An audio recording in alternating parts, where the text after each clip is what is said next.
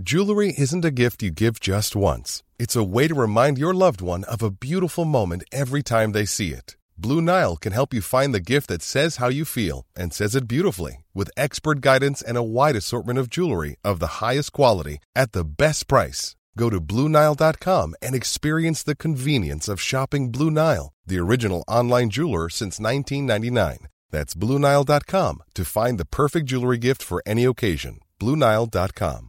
Hiring for your small business? If you're not looking for professionals on LinkedIn, you're looking in the wrong place. That's like looking for your car keys in a fish tank.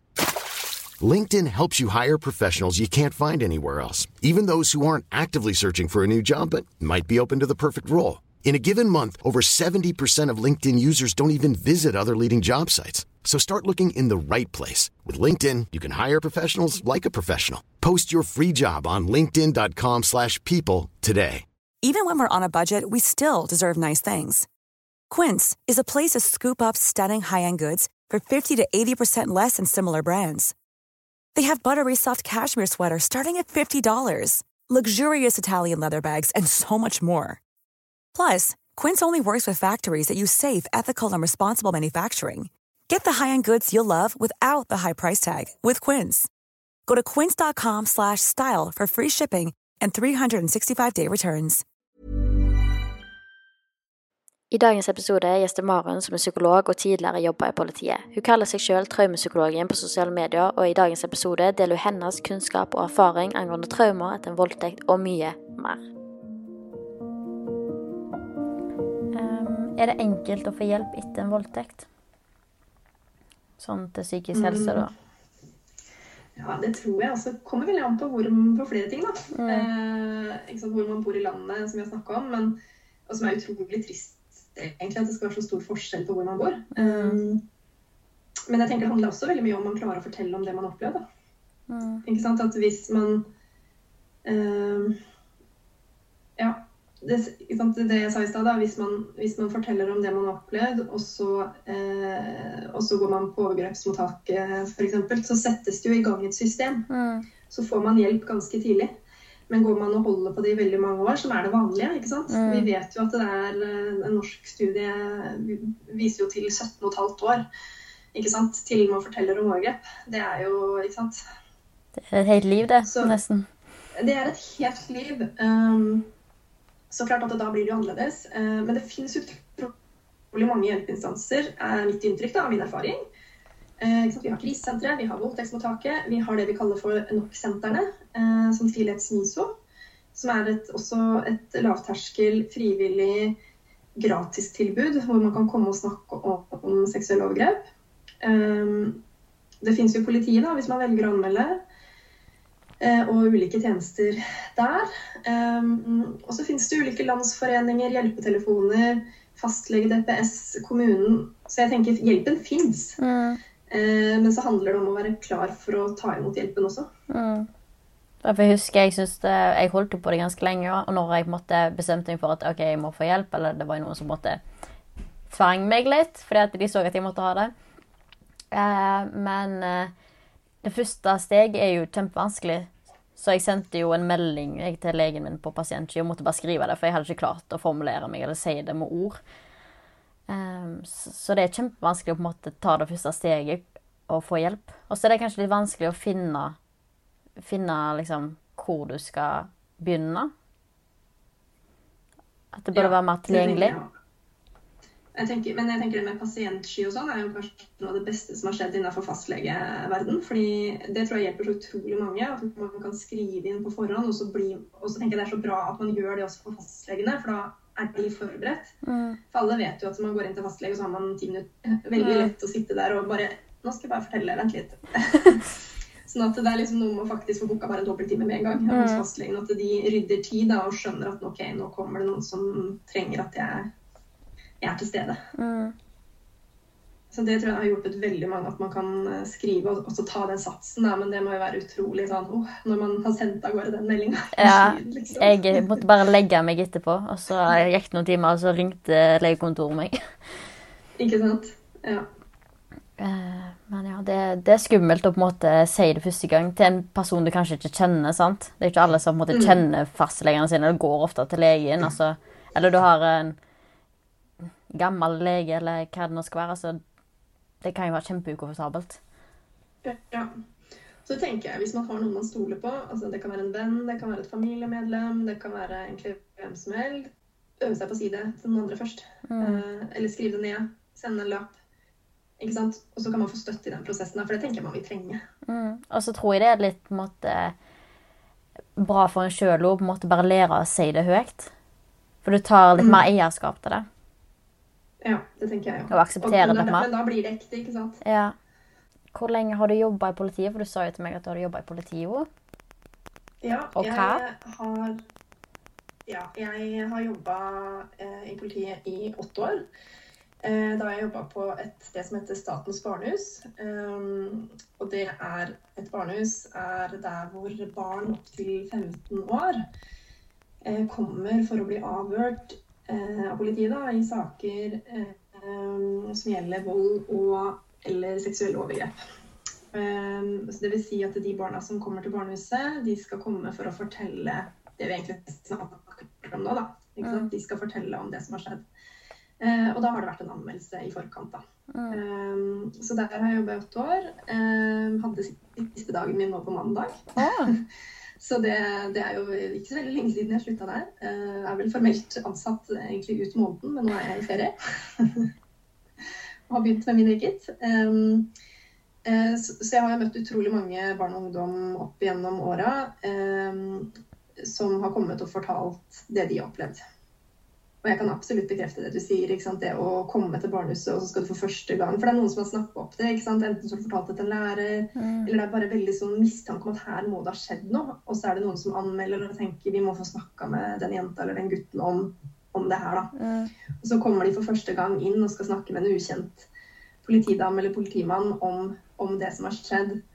Um, hvis barn har fortalt om det på forhånd til noen, så er det lettere å få dem i tale på en måte i et avhørsrom. Men, men, har de aldri fortalt om det til noen, og så skal vi i politiet være den første de forteller det til, da. Det sitter langt inne. Mm. det, er nesten, det er veldig sjelden jeg har opplevd at det faktisk eh, skjer, men det, det kommer litt an på alder og sånn, da. Fordi yngre barn eh, eh forteller kanskje mer enn litt sånn spontant, da, enn mm. det eh, Fordi vi har jo hatt barn helt ned i tre års alder, ikke sant? fra mm. tre til så det er ganske sånn stort spenn. da. Mens ungdommer nødvendigvis vil ikke det på samme måte. Og jeg har opplevd veldig mange ønsker å skrive det ned. Ja. For eksempel, så jeg har brukt en del som skriving. Ja, kan jeg bare, Siden du sa det, at eh, lærer eller noen andre på en måte har snappa det opp, hva, hva er det som gjør at de på en måte tenker at noe sånt har skjedd? Eh, hos de aller minste barna, da, eller ja, ikke bare alle de minste, men det kan være f.eks. Eh, sånn seksualisert atferd. Ehm, og det ser vi f.eks. hos barnehagebarn. da. Mm. Så ser man en sånn seksuell atferd som er mer enn det som er normalt. Da, for det er helt vanlig å utforske kropper og liksom alle disse tingene eh, hos de minste. Men, men når man begynner å liksom putte ting inn i vagina, mm. rumpe, mm. eh, eller så kommer det sånne uttalelser, da. At mm. liksom Pappa gjør dette med meg, mamma gjør dette med meg. Da begynner man jo å komme litt mer i den gata, på en måte. Um, sånne type ting, da. Eh, kan jo gjøre at man tenker at her er det en bekymring, og så melder man bekymring, og så melder kanskje barnevernet det videre til politiet. Da. Det er en sånn mm. typisk saksgang, det her. Um, Eller så er det små barn som kommer direkte og sier det. Mm. Absolutt. Men uh, hos de minste så går det kanskje gjennom i lek, da. Og så må mm. man utforske hva er dette her. Og så har kanskje barnevernet en, uh, en, det vi kaller en barnesamtale med barna først, da, for å finne mer ut av det. da, Før man eventuelt Mm. Så det kan være mye forskjellig. eller at man, liksom, Det er jo veldig mange tegn. Det kan være hva som helst. Jeg tenker Det viktigste er jo liksom, Hvis en jente eller en gutt er veldig lei seg på skolen, ikke sant? Og, mm. så kan det jo være hva som helst. Men man må jo på en måte prøve å finne ut av hva det handler om. da, Være nysgjerrig på hva, det, hva denne atferdsendringen handler om. da. Mm. For det er jo ofte en endring. da. Fra å være kanskje en kjempe smilende jente til å bli helt liksom, mm. kjempetrist. Eh, og hva handler den tristheten om? Hva er det som skjer? Eh, å kunne være den omsorgsfulle læreren som på en måte jeg ser at du ikke nødvendigvis har det så bra. kan vi prate litt om det? Ta den med på kontoret. Mm. Gå en liten tur.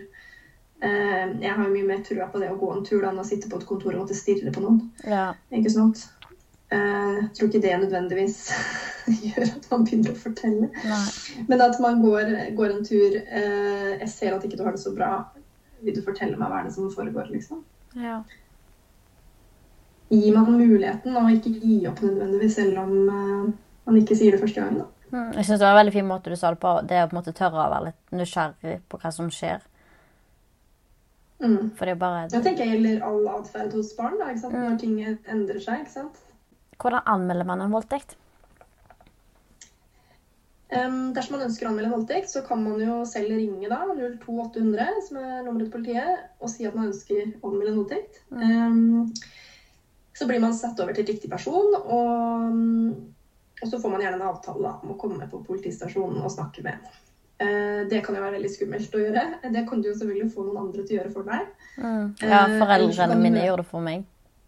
Ikke sant? Um, eller så kan man møte opp på politistasjonen der man bor, eh, og si det samme i skranken. da. Um, eventuelt så kan du også oppsøke det som heter en bistandsadvokat, um, og som hjelper deg med prosessen og hjelper deg å anmelde. da. Som angir da en, en skriftlig anmeldelse, rett og slett. Og så blir man da innkalt til det som heter et avhør. da. Mm. Og er man under 15, så kommer man da inn på et barnehus eh, og, og forteller der. Um, er man over 15, så blir man jo innkalt på en politistasjon. Eh, og det var kanskje det som skjedde med deg. Mm. Ja, ikke sant? At du var jo 18. Yeah. Ja.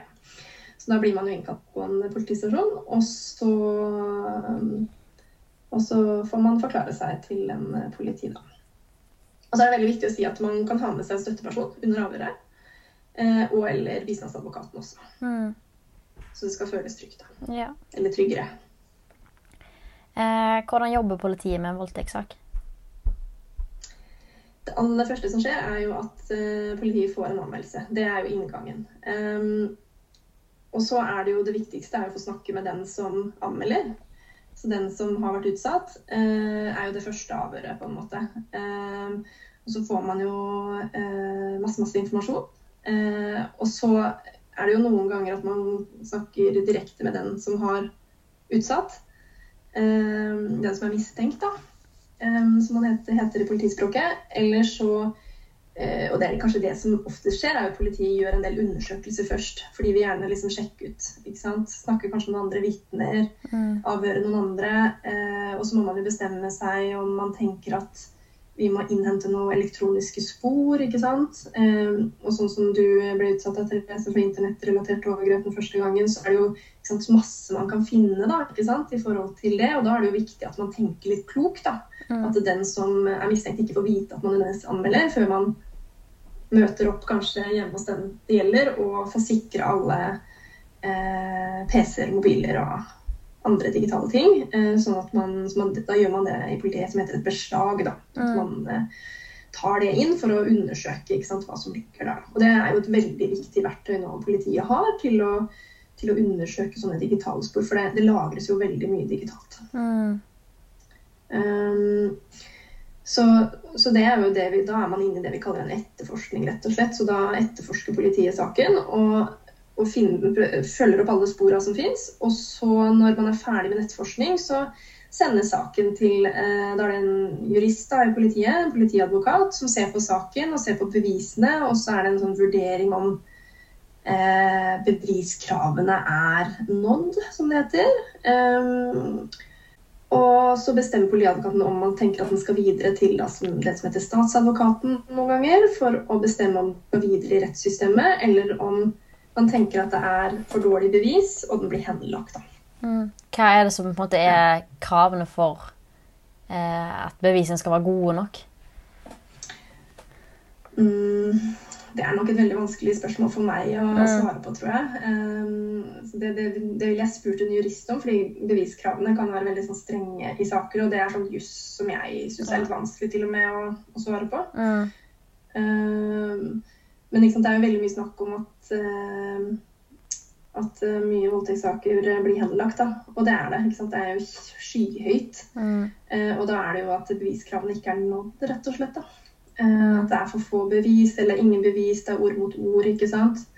Eh, men det er viktig å si at et avhør er også et bevis. Mm. ikke sant? Det avhøret som ble tatt av deg den gangen, det var et bevis. ikke sant? Mm.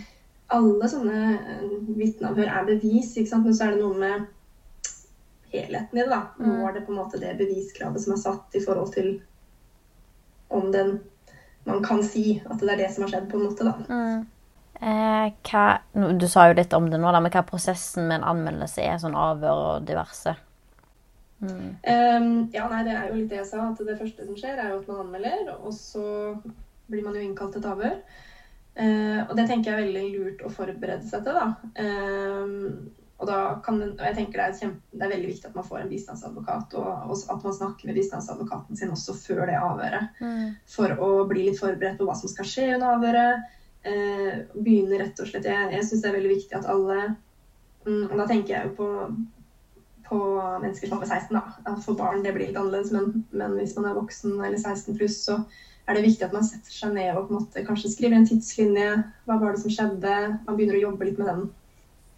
At man er forberedt, rett og slett. da, For det vil komme Mm. mange spørsmål, og da kan det være greit å ha noe å lene seg på. Ja, jeg husker jeg hadde For jeg hadde ikke med meg bistandsadvokat, men jeg skrev liksom alt i en notatblokk, og så lagde jeg en gigantisk sikkert på 1,5 meter tidslinje. Eh, og så lagde jeg, fordi søsteren min er psykolog, så hun hjalp meg med en sånn, en sånn strekmann som hun tegnte, og så sånn som du forklarte hva jeg tenker, hva som skjedde, eh, og alt sånn kroppslig, og hva som skjer rundt meg, og alt sånn greier. Måte i hendelsene, og alt sånn masse greier. Så jeg leverte inn da når jeg hadde avhør, så måtte hjelpe meg å på en måte huske på ting. Sånn plutselig husker jeg at han likte å jogge på morgenen, eh, og sånne ting, da. Altså, jeg tenker Det er kjempeviktig hvis man har opplevd ting eh, over lang tid ikke sant? og gjentatte ganger. For det kan være veldig vanskelig å skille episodene fra hverandre. For eksempel når ting har skjedd såpass mange ganger at det blir nesten Det er det vi kaller et sånn skripthukommelse. da, At det blir sånn som det alltid skjedde, kontra det et episodisk minne som er én en enkelt gang. da. Mm. Eh, og fordi politiet er jo selvfølgelig veldig opptatt av å vite sant, hvor mange ganger Mm. eh, Hva skilte de fra hverandre, hva var likt? ikke sant, Alle, liksom, Å få kartlagt om, omfanget, rett og slett. da. Eh, for det sier jo noe om alvorlighetsgrad igjen. Mm. Hvordan ivaretar politiet et offer? Um, jeg tenker det er liksom viktig å forstå da, at politiet, når man møter politiet eh, i en sånn avhørssituasjon, så er rollen til politiet å være helt objektive. da. Mm. Eh, det vil si at de Hey, I'm Ryan Reynolds. At Mint Mobile, we like to do the opposite of what Big Wireless does. They charge you a lot, we charge you a little. So naturally, when they announced they'd be raising their prices due to inflation, we decided to deflate our prices due to not hating you. That's right. We're cutting the price of Mint Unlimited from $30 a month to just $15 a month. Give it a try at mintmobile.com slash switch. $45 upfront for three months plus taxes and fees. Promo rate for new customers for limited time. Unlimited more than 40 gigabytes per month. Slows. Full terms at mintmobile.com. Burrow's furniture is built for the way you live.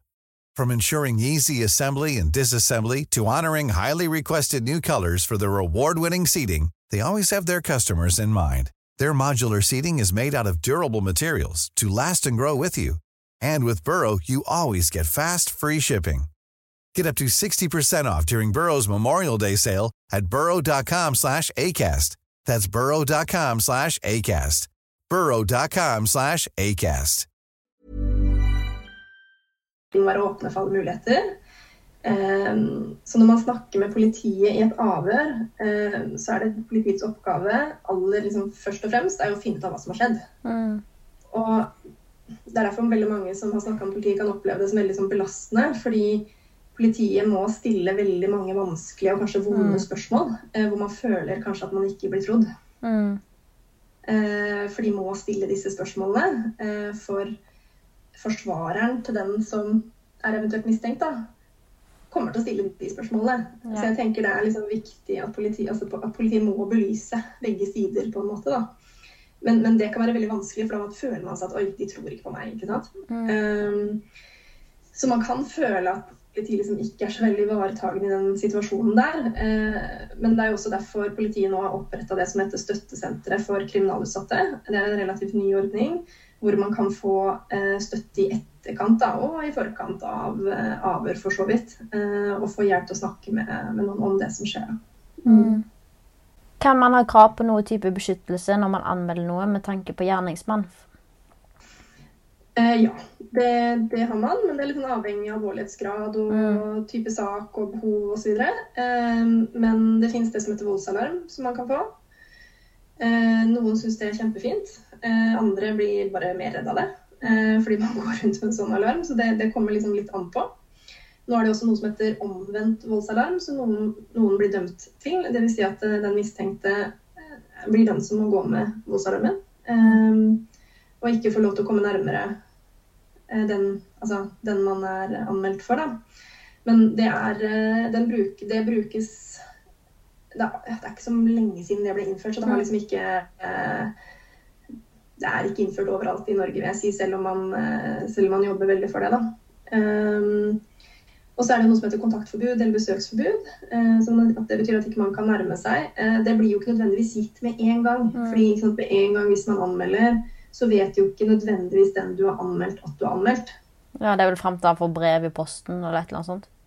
Ja, og det ikke sant, at hvis man da Politiet vil ikke sant, Hvis du ikke blir oppsøkt av noen det er, det er, altså Etter voldtekten så er det ingen Det har ikke vært noe kontakt, det har ikke vært noe, det er ikke noe sånn ingenting, liksom. Mm. Så er det kanskje ikke noe behov for et besøksforbud. Eh, men hvis det er en som eh, prøver å ta kontakt med deg hele tiden, ikke sant? masse telefoner og sånne ting, så vil det jo kanskje være mer et behov for å stoppe den kontakten. Og da, da, får man jo hjelp fra politiet til å stoppe den kontakten hvis ikke det er noe man ønsker. ikke sant? Mm. Eh, men det er ikke sånn at man nødvendigvis blir varsla. Det er jo liksom litt taktiske ting. da? Man vil jo ikke mm. varsle noen om et besøksforbud, for da vil de jo vite Hvis ikke det er behov for det, for da vil de ikke vite mm. at de er anmeldt. Så det er sånne ting politiet må vurdere, da. Mm. Eh, men har man et behov for det, og man, man blir liksom oppsøkt, så er, jo, er ikke det så vanskelig å få, liksom. Mm. Um, ofte så henlegges jo saker, saker pga. bevisets stilling, sånn som vi sa. Uh, hvorfor er det så mange saker som blir henlagt? Det handler rett og slett om de strenge beviskravene vi har i, i saker som gjelder uh, overgrep. da. Mm. Uh, og at det rett og slett er ofte mangel på bevis. Uh, og det er ord mot ord, og det er vanskelig å da bevise at det har skjedd noe. Um, og så er det som vi var inne på, det at veldig mange venter jo veldig lenge da, med å anmelde. Og da forsvinner jo ganske mange spor. At det blir vanskeligere da. Um, så det er jo en faktor. Men det er de der strenge beviskravene som gjør at ikke mer går videre, da. Mm. Hva, hva tror du vi må gjøre for at det på en måte skal bli jeg vet ikke hvordan jeg skal formulere meg, men liksom enklere å på en måte uh, få Ja, ting ikke at alle sakene blir henlagt, liksom. At det ikke skal være så veldig høy prosent på det. Nei. Det, det, er jo the million dollar question, egentlig, mm. som veldig mange har stilt. For sånn, Det er jo um, snakka om den der samtykkeloven. Tror du den på en måte kommer til å gjøre noe endring på det? Nei. Nei.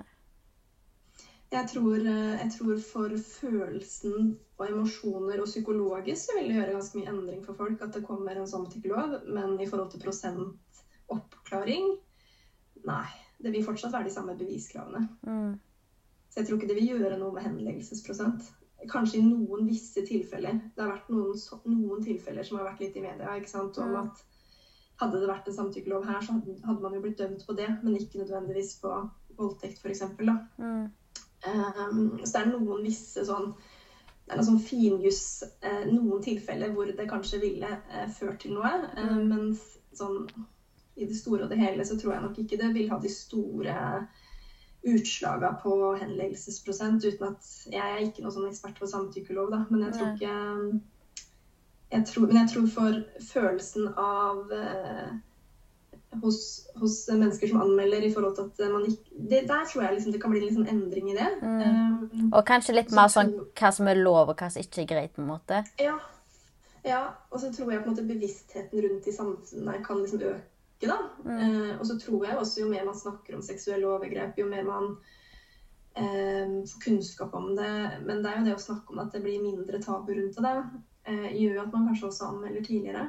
Mm jeg tror det har mye med å si at på en måte den der, eh, den der 17-årsperioden eh, er så høy, da, at den må ned. Mm. At sånn så, Hvis noen stjeler fra deg, så ringer du politiet med en gang. Ingen gjør det med en voldtekt.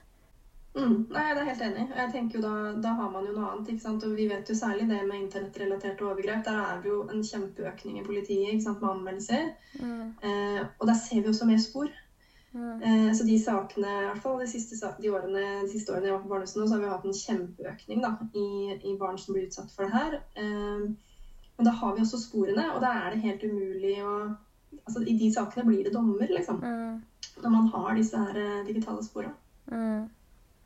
Jo, men jeg husker når at, eh, når at det, på en måte overgriperen min eh, og meg kutta kontakten, så sletta jeg eh, masse greier og tømte chat og alt det bla, bla, bla greiene der, liksom. Og på en måte gjorde alt for at ingen skulle finne dette her.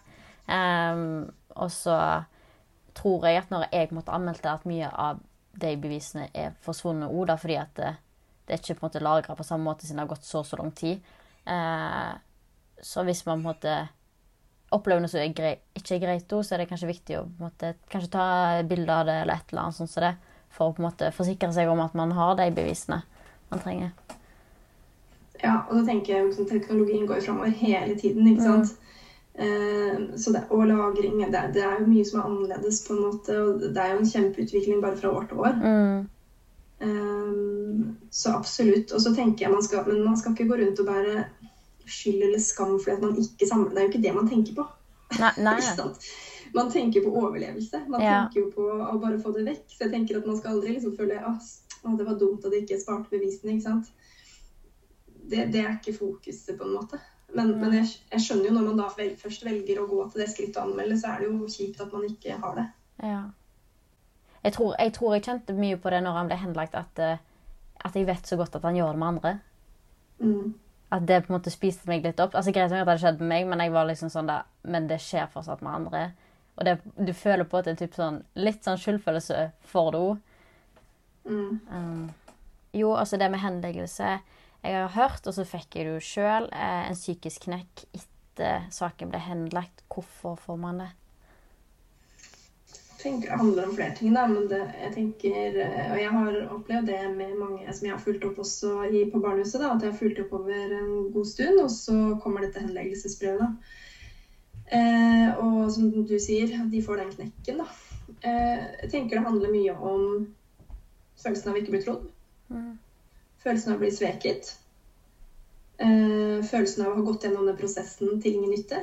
Mm.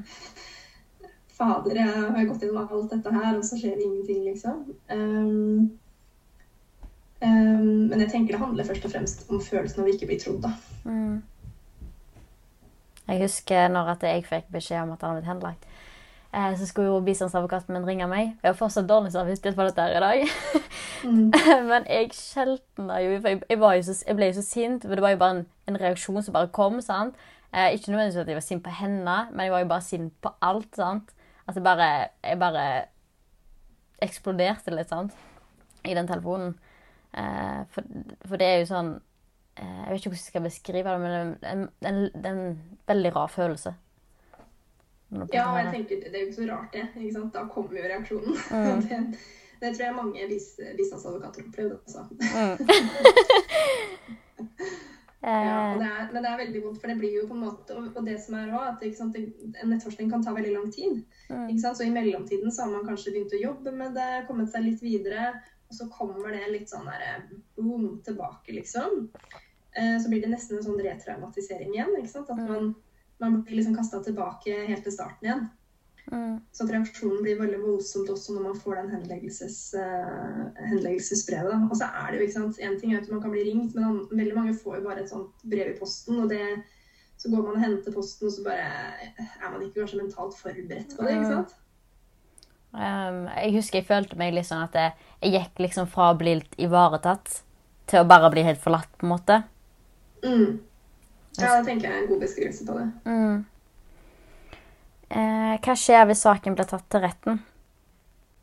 Da, hvis det er sånn at man, den går videre, så, så blir det jo en rettssak, da.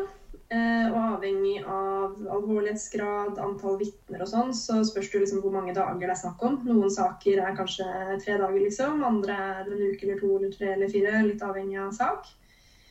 Um, og da får man jo eh, Eller da, da, er man jo i retten, da. Eh, og sitter på den ene siden. Og så sitter mistenkte på den andre siden. Eh, og så blir det jo ført vitner, da. Eh, og aktoratet, da, som er liksom på, den som er fra påtale sin side, den som er fører saken for politiet, eh, de har jo liksom sånn innledningsforedrag hvor de snakker om saken, og så forsvarer liksom snakker om saken, på en måte. Og så Um, og så må, må, jo den som har anmeldt, også forklare seg på nytt i vitneboksen.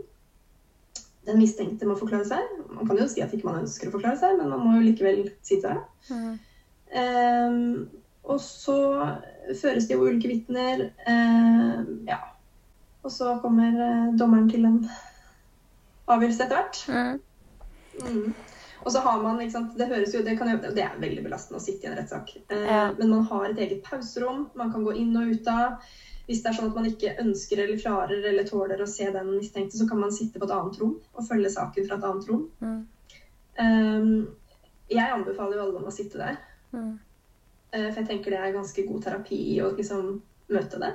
Mm. Men man, man, har noe som heter vitnestøtte. Støttesenteret for kriminalutsatte nå er en kjempeordning. De sitter med deg gjennom rettssaken hvis du ønsker det. Um, det går jo selvfølgelig an å ha trygghetspersoner, andre som sitter i retten sammen med deg. Jeg pleier alltid å anbefale å ha med noen fra familien som sitter og hører på. fordi det kan være greit for ettertiden hvis ikke man opplever at man har fått med seg alt. Så har man mm. noen som kan på en måte referere. Mm. Um, og så er det ikke sikkert de får lov til å være med og se alt, for noen ganger skal jo familie også vitne. Mm. Uh, så de får ikke lov til å sitte og høre på saken før de skal vitne. Men når mm. de når, Så ikke de skal bli påvirka av ting som mm. kommer fram. Men, um, men, når de er ferdige å vitne, så kan de sitte og høre hele saken. Så det kan være greit å ha noen som ikke skal vitne, til å sitte der. Um, men veldig mange beskriver jo at det er en situasjon hvor man får sagt ifra. At det er liksom sånn ganske sånn empowering prosess, da. Mm. Hvor man eh, liksom får se den som har gjort det, liksom litt i øynene, egentlig. Eh, og får tatt tilbake kontrollen, rett og slett. Mm. Eh, og så har vi det siste spørsmålet. Er det muligheter for, selv om saken din ble henlagt, at saken kan bli tatt opp igjen senere? Ja, det er mulig. Um, og det skjer. Uh, og, det er, og kanskje sånn, Et eksempel er jo i saker hvor man blir utsatt for eh, voldtekt, og eh, det er DNA, f.eks. Men så finner man ikke noe treff. Man vet ikke hvem det er, men, finner, men DNA blir lagra, da. Eh, da er jo egentlig saken litt sånn åpen, kanskje. Helt, den er vel egentlig åpen Nei, den blir vel henlagt kanskje etter hvert fordi man ikke finner gjerningsperson. Og så blir den henlagt, og så kan den bli gjenåpna fordi seinere så kommer det inn en annen sak, og så og så matcher DNA f.eks., og så blir saken gjenopptatt. Eller så kan det være sånn at eh, saken blir henlagt eh, på bevisestilling f.eks. Eh, og så kommer det flere anmeldelser på voldtekt. Samme person. Mm. Eh, og så blir jo på en måte den første anmeldelsen veldig viktig. Og så blir den kanskje også gjenopptatt i det her at det blir et veldig sånn mønster. da. Mm. Og det har vi sett i ganske mange sånne store overgrepssaker. da, At eh, de første har kanskje blitt henlagt, og så kommer det ganske mange andre. Og så blir jo ikke sant, Da blir jo de sakene, stiller de seg et litt annet lys, og så blir, hele, blir de liksom innlemma da, mm. i saken. Eller at man klarer, ikke sant, Ofte så kan det jo være saker hvor ikke man har klart å identifisere. da, Så kan de bli identifisert seinere, f.eks. Mm. Så det skjer, det. Ja.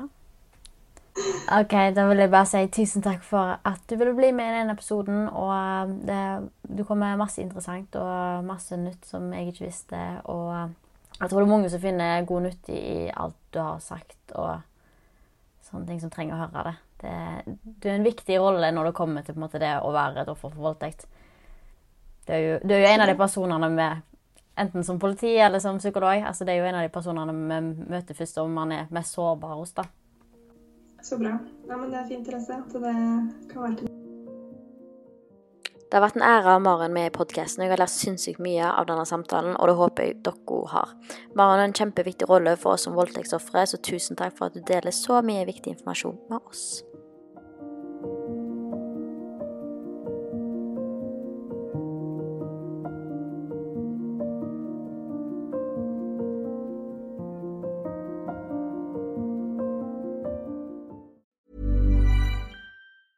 Hey, it's Danny Pellegrino from Everything Iconic. Ready to upgrade your style game without blowing your budget? Check out Quince. They've got all the good stuff shirts and polos, activewear, and fine leather goods, all at 50 to 80% less than other high end brands. And the best part? They're all about safe, ethical, and responsible manufacturing. Get that luxury vibe without the luxury price tag. Hit up quince.com slash upgrade for free shipping and 365 day returns on your next order. That's quince.com slash upgrade. Hi, I'm Daniel, founder of Pretty Litter. Did you know cats tend to hide symptoms of sickness and pain? I learned this the hard way after losing my cat, Gingy. So I created Pretty Litter, a health monitoring litter that helps detect early signs of illness by changing colors, saving you money and potentially your cat's life. Pretty Litter is veterinarian developed, and it's the easiest way to keep tabs on your fur baby's health right at home. Go to prettylitter.com and use code ACAST for 20% off your first order and a free cat toy. Terms and conditions apply. See site for details. Even when we're on a budget, we still deserve nice things. Quince is a place to scoop up stunning high end goods for 50 to 80% less than similar brands. They have buttery soft cashmere sweaters starting at $50, luxurious Italian leather bags, and so much more. Plus, Quince only works with factories that use safe, ethical, and responsible manufacturing. Get the high-end goods you'll love without the high price tag with Quince. Go to quince.com/style for free shipping and 365-day returns.